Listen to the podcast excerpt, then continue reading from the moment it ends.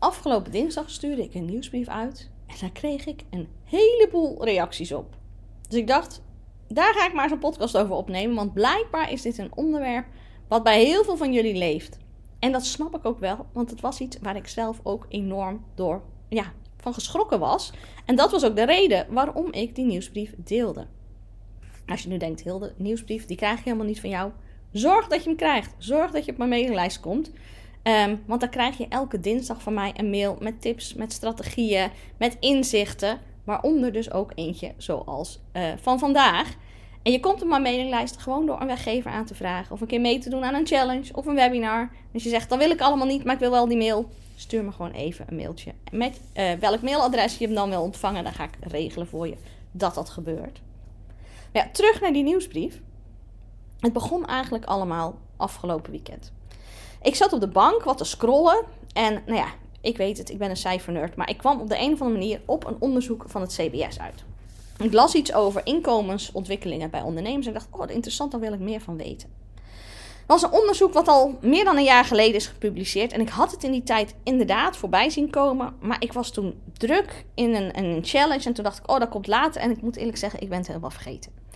Maar ja, ik ben natuurlijk financieel business coach. Ik help ambitieuze vrouwelijke ondernemers om meer te verdienen. Om te zorgen dat hun inkomen flink gaat stijgen. Dus het is voor mij eigenlijk wel een heel interessant onderwerp. Dus toen dacht ik, nou heb ik tijd. Ik zit gewoon op de bank. Ik ga dat onderzoek van CBS eens even lezen. En wat ik daarin las, daar schrok ik eigenlijk nogal van. Wat ze namelijk gedaan hadden bij dat onderzoek. Ze hadden alle ondernemers die in 2017, of ondernemers die in 2017 waren gestart, gevolgd. Nou, dat sprak me eigenlijk meteen aan, want in 2017 ben ik dit bedrijf gestart. En ze zijn die gaan volgen. En wat bleek uit dat onderzoek, na vijf jaar ondernemen, dus dan hebben we het over 2022, was het één op de vijf van die ondernemers gelukt om met hun bedrijf minimaal het minimumloon te kunnen verdienen. En dat betekent, nou ja, het kan het minimumloon zijn, maar het kan ook zijn dat ze er 100.000 of 200.000 of misschien wel een miljoen mee verdienden. Maar het was minimaal het minimumloon. Nou is het minimumloon natuurlijk echt heel laag. Daarom heet het ook het minimumloon. Dat, daar kan je eigenlijk al bijna niet van leven. Dus dat vond ik eigenlijk al dat ik dacht, dat is niet zoveel. Maar waar ik nog meer van schrok, dat ik dacht, oké, maar als 1 op de 5 dat haalt, dan halen dus 4 op de 5 het niet. Dat is 80%. Dat betekent dat 80% van de ondernemers in 2017 helemaal hoopvol en enthousiast waren en uh, met vol goede moed zich ingeschreven hebben bij de Kamer van Koophandel.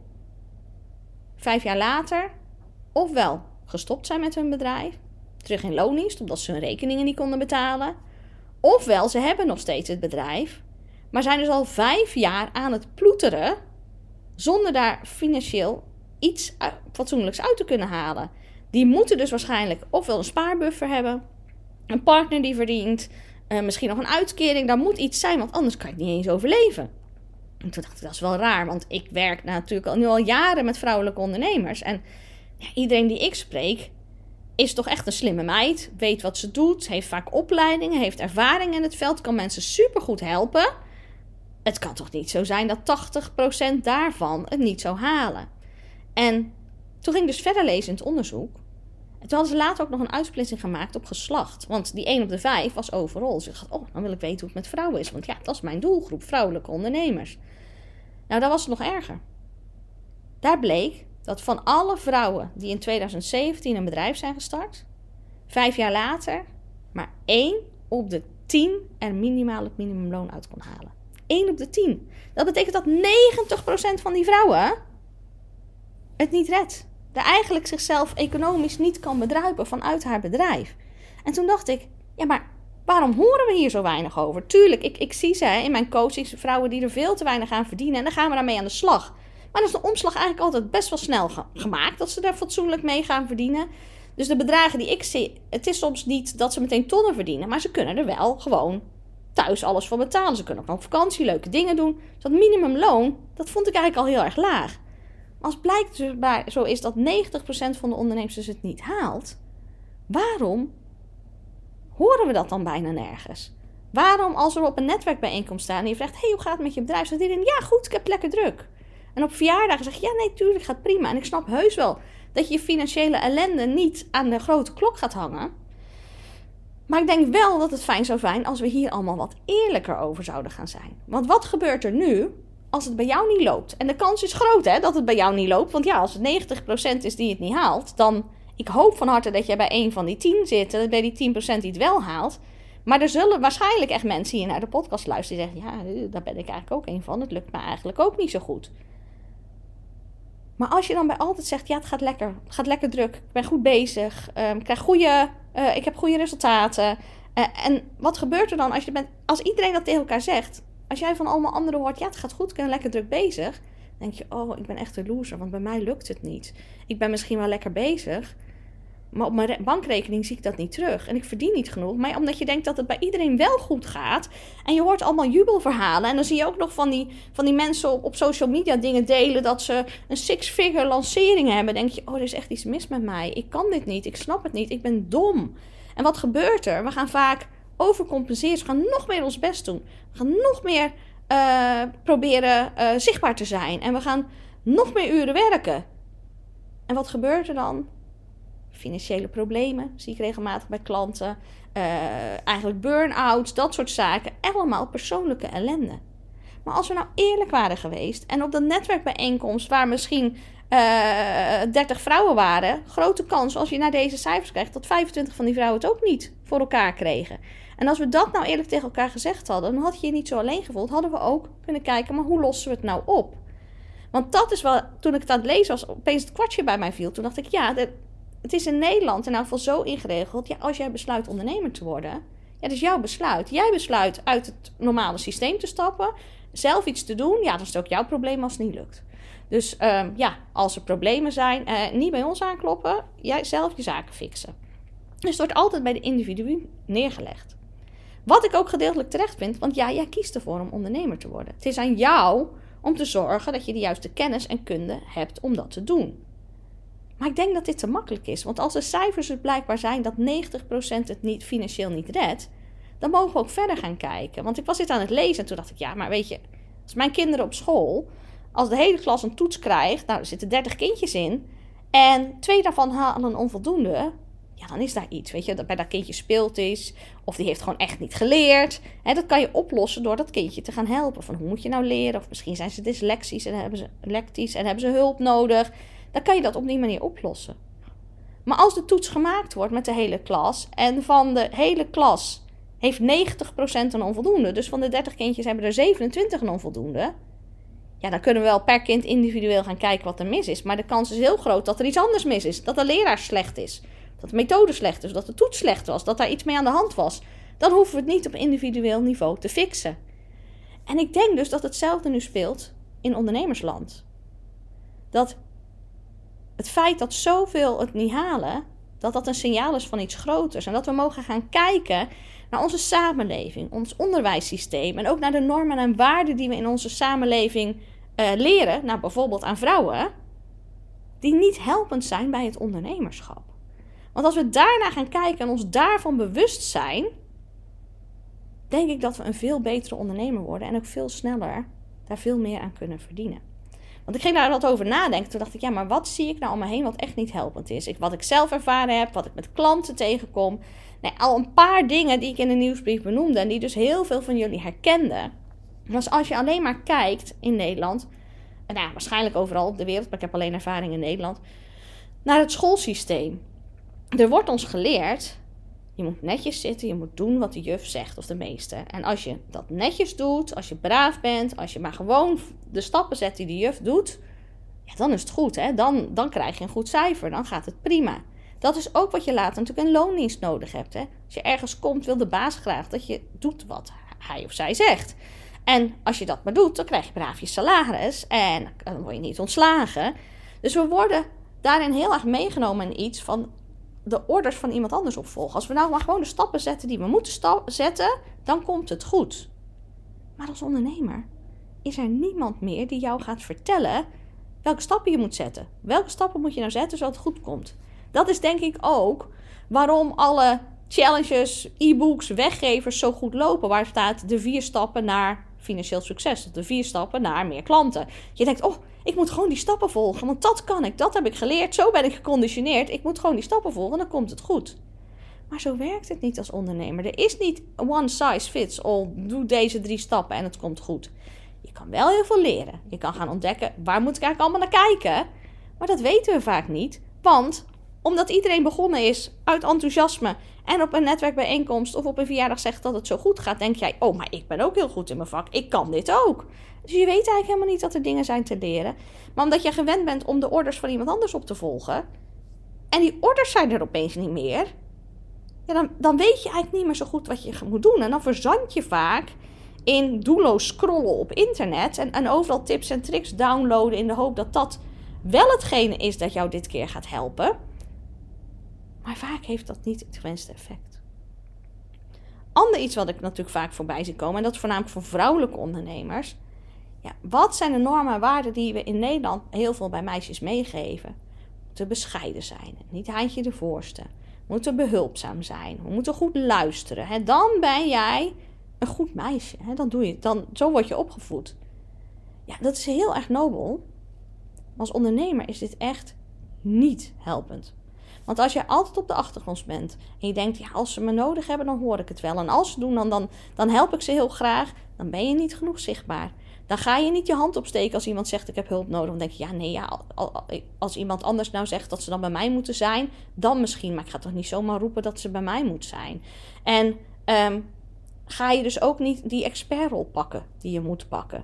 Weet je, al dat soort dingen. Je moet als ondernemer, ja, je moet zichtbaar gaan worden. Je moet gaan laten zien wat je, wie je bent, wat je kan, waarvoor ze bij jou terecht moeten zijn. En je moet ook uiteindelijk daar een prijs voor vragen. Want wat er dan nog vaak gebeurt, is omdat we dus zo gewend zijn om dienstverlenend te zijn, dat we heel veel gratis hulp geven. Allemaal gratis tips, allemaal gratis hulp. Nog maar een extra call, nog, ze kunnen nog een keertje en dan help je ze. Maar uiteindelijk zal er ook wel een transactie van geld moeten zijn, want anders is het een hobby en heb je geen bedrijf. Mensen moeten je uiteindelijk wel betalen. Iets anders wat ik, voor, wat ik later bedacht was dan, ja, wat ik, waar ik zelf ook wel last van gehad heb. Op het schoolsysteem je, als je maar goed je best doet, haal je goede cijfers. Althans, ik had gelukkig geen leerproblemen, dus als ik gewoon goed mijn best deed, haalde ik goede cijfers. En dat is iets wat, je, wat ik meeneem in mijn werkethiek. Als ik maar goed mijn best doe, dan komt het wel goed. Maar als ondernemer wil dat helemaal niet zeggen dat het goed komt. Want je kan keihard je best doen. Je kan onwijs veel uren draaien. Maar als je aan het verkeerde werkt, dan heeft het niet het effect. Je moet gaan leren als ondernemer om slim te werken. Om jouw talenten, jouw energie, jouw tijd zo in te zetten dat je aan datgene werkt, wat ze in het Engels altijd zo mooi zeggen, wat moves the needle forward. He, wat ervoor zorgt dat je een sprong vooruit gaat met je bedrijf. Maar door gewoon maar keihard te werken, door bijvoorbeeld de fantastische quotes te creëren voor op social media of e-books of wat dan ook, het, de mooiste website. Maar je moet er ook een verdienmodel mee hebben. Het moet slim in elkaar zitten. En je kan nog zo keihard je best doen door alles zelf te doen en maar niks uit te besteden. Want ja, je moet zelf heel hard je best doen. Dat wil niet zeggen dat je daarmee je bedrijf van de grond gaat krijgen. Nou, dat waren zomaar even een paar dingen waar ik al meteen aan dacht van... Goh, joh, dat zijn dingen die eigenlijk helemaal niet zo handig zijn uh, in onze samenleving, in ons schoolsysteem. Um, ik denk dat we daar naar mogen kijken. Hoe gaan we dit veranderen? Want het is nou eenmaal zo dat we op dit moment al anderhalf miljoen ondernemers hebben in Nederland. Dus de overheid kan wel graag willen dat iedereen in loondienst gaat. Gonna happen. Mensen willen dat niet meer. En ze proberen ons nog steeds in dat mannetje te doen dat alles via loondienst. Want alleen als je een vaste baan hebt, krijg je makkelijk een hypotheek. Of als je een vaste baan hebt, krijg je dit of dat. Maar de realiteit is nou eenmaal dat heel veel mensen graag ondernemer willen. Die hebben een talent, die hebben een vaardigheid, een skill. En ze denken, ik kan mensen daar beter mee helpen op mijn eigen manier. En ik denk dat heel veel mensen die skill hebben, maar dat ze het vak ondernemerschap en het vak wat ik natuurlijk teach, financiën rondom ondernemerschap. Het wordt niet gegeven op school. Er is bijna geen opleiding waar dat is. En soms als het er is, bijvoorbeeld op de kappersopleiding of dat soort dingen, is het een heel klein onderdeel. Waarbij ze eigenlijk nog niet de tools krijgen die ze nodig hebben om het echt zelf te maken. Ze weten niet precies hoe het nou zit met al die belastingen. Ze weten niet hoeveel omzet ze nou eigenlijk moeten draaien om onderaan de streep voor zichzelf genoeg salaris over te uh, houden. Ze weten niet hoe hoog de winstmarge in hun producten moet zijn. Want ze denken alleen maar: ik moet lagere prijs, want dan komt iedereen naar mij. Nee, want dan hou je niks voor jezelf over. Ze weten niet zo goed dat het slim is om een aanbod strategisch neer te zetten, zodat je die klant vaker kan bedienen. Want het vinden van een klant is vaak het lastigste. Dus je moet zorgen dat, je, dat die klant jou veel meer op gaat leveren, dat die waarde omhoog gaat. Um, ze leren over, niet over verdienmodellen. Ze leren niet over die money mindset. Hè. Wat denk ik? Wat houdt mij nou tegen? Al dat soort zaken. En ja, als ondernemer ben jij, heb jij besloten het op jezelf te doen. En ben je dus, ja, moet je zelf gaan regelen dat je die kennis en die kunde krijgt. Maar als je niet weet dat je mist aan het begin, kan je het dan ook niet oppakken. Want als je alleen maar die jubelverhalen hebt gehoord en nooit eens mensen hebt gehoord, ja, ik vond het heel moeilijk en heel lastig en ik had gewild dat ik dit en dit en dit al geleerd had. Denk je, ik kan dit ook, ik spring er ook aan, ik zie allemaal van die toffe verhalen en die doen wat ze leuk vinden, die verdienen er heel goed mee. Ik ga dat ook doen. Maar als je niet weet wat er allemaal bij komt kijken, dan is het lastig. En tuurlijk, je kan gratis wat dingetjes vinden, maar dat is vaak al te laat. Hè? Dan, dan ga je al, ehm, terwijl je een probleem hebt, op zoek naar de oplossing. Maar hoe gaaf zou het nou zijn dat dit stuk, bijvoorbeeld in het onderwijs in Nederland, veel meer aan bod gaat komen. Dat wat ik mijn klanten bijvoorbeeld leer in mijn Money Club. Mijn Money Club is mijn programma waarin je leert hoe bouw ik nou een winstgevend bedrijf? Waar moet ik nou allemaal aan denken? Um, wanneer verdien ik nou genoeg? Wat moet ik nou eigenlijk doen om dat salaris eruit te kunnen halen? Weet je, dat hele stuk. Alles over hoe word ik nou een goede ondernemer? Waar moet ik allemaal naar kijken? En hoe zorg ik nou dat ik financieel alles goed heb staan en zelf lekker verdien? Waarom leren we dat niet op school? Waarom leren we op school niet wat er allemaal bij komt kijken? Dat je niet alleen naar je omzet moet kijken, maar ook naar je kosten. Dat we leren welke belastingen er spelen. Dat we leren dat er meerdere verdienmodellen zijn dan alleen het uurtje-factuurtje systeem. Maar dat je veel slimmer en veel schaalbaarder kan werken. Waardoor je in veel minder tijd veel meer mensen kan helpen, veel meer impact kan hebben en veel meer kan verdienen. Waarom weten we dat niet? Waarom leren we niet dat er ook zoiets is als money mindset? Dan kom je daar pas achter nadat je al drie jaar aan het ploeteren bent en denkt: waarom lukt het niet? Waarom breek ik hier niet doorheen? Waarom lukt het mij niet om een podium te pakken? Waarom lukt het mij niet om zichtbaar te zijn? Waarom durf ik mijn prijs niet te verhogen? Waarom doe ik die klant geen aanbieding? Waarom geef ik nou al het geld uit wat er binnenkomt? Omdat je niet bewust bent van het feit dat je money mindset hebt en dat je daar een aantal niet helpende patronen in hebt die opgelost moeten worden, willen we dit gaan fixen.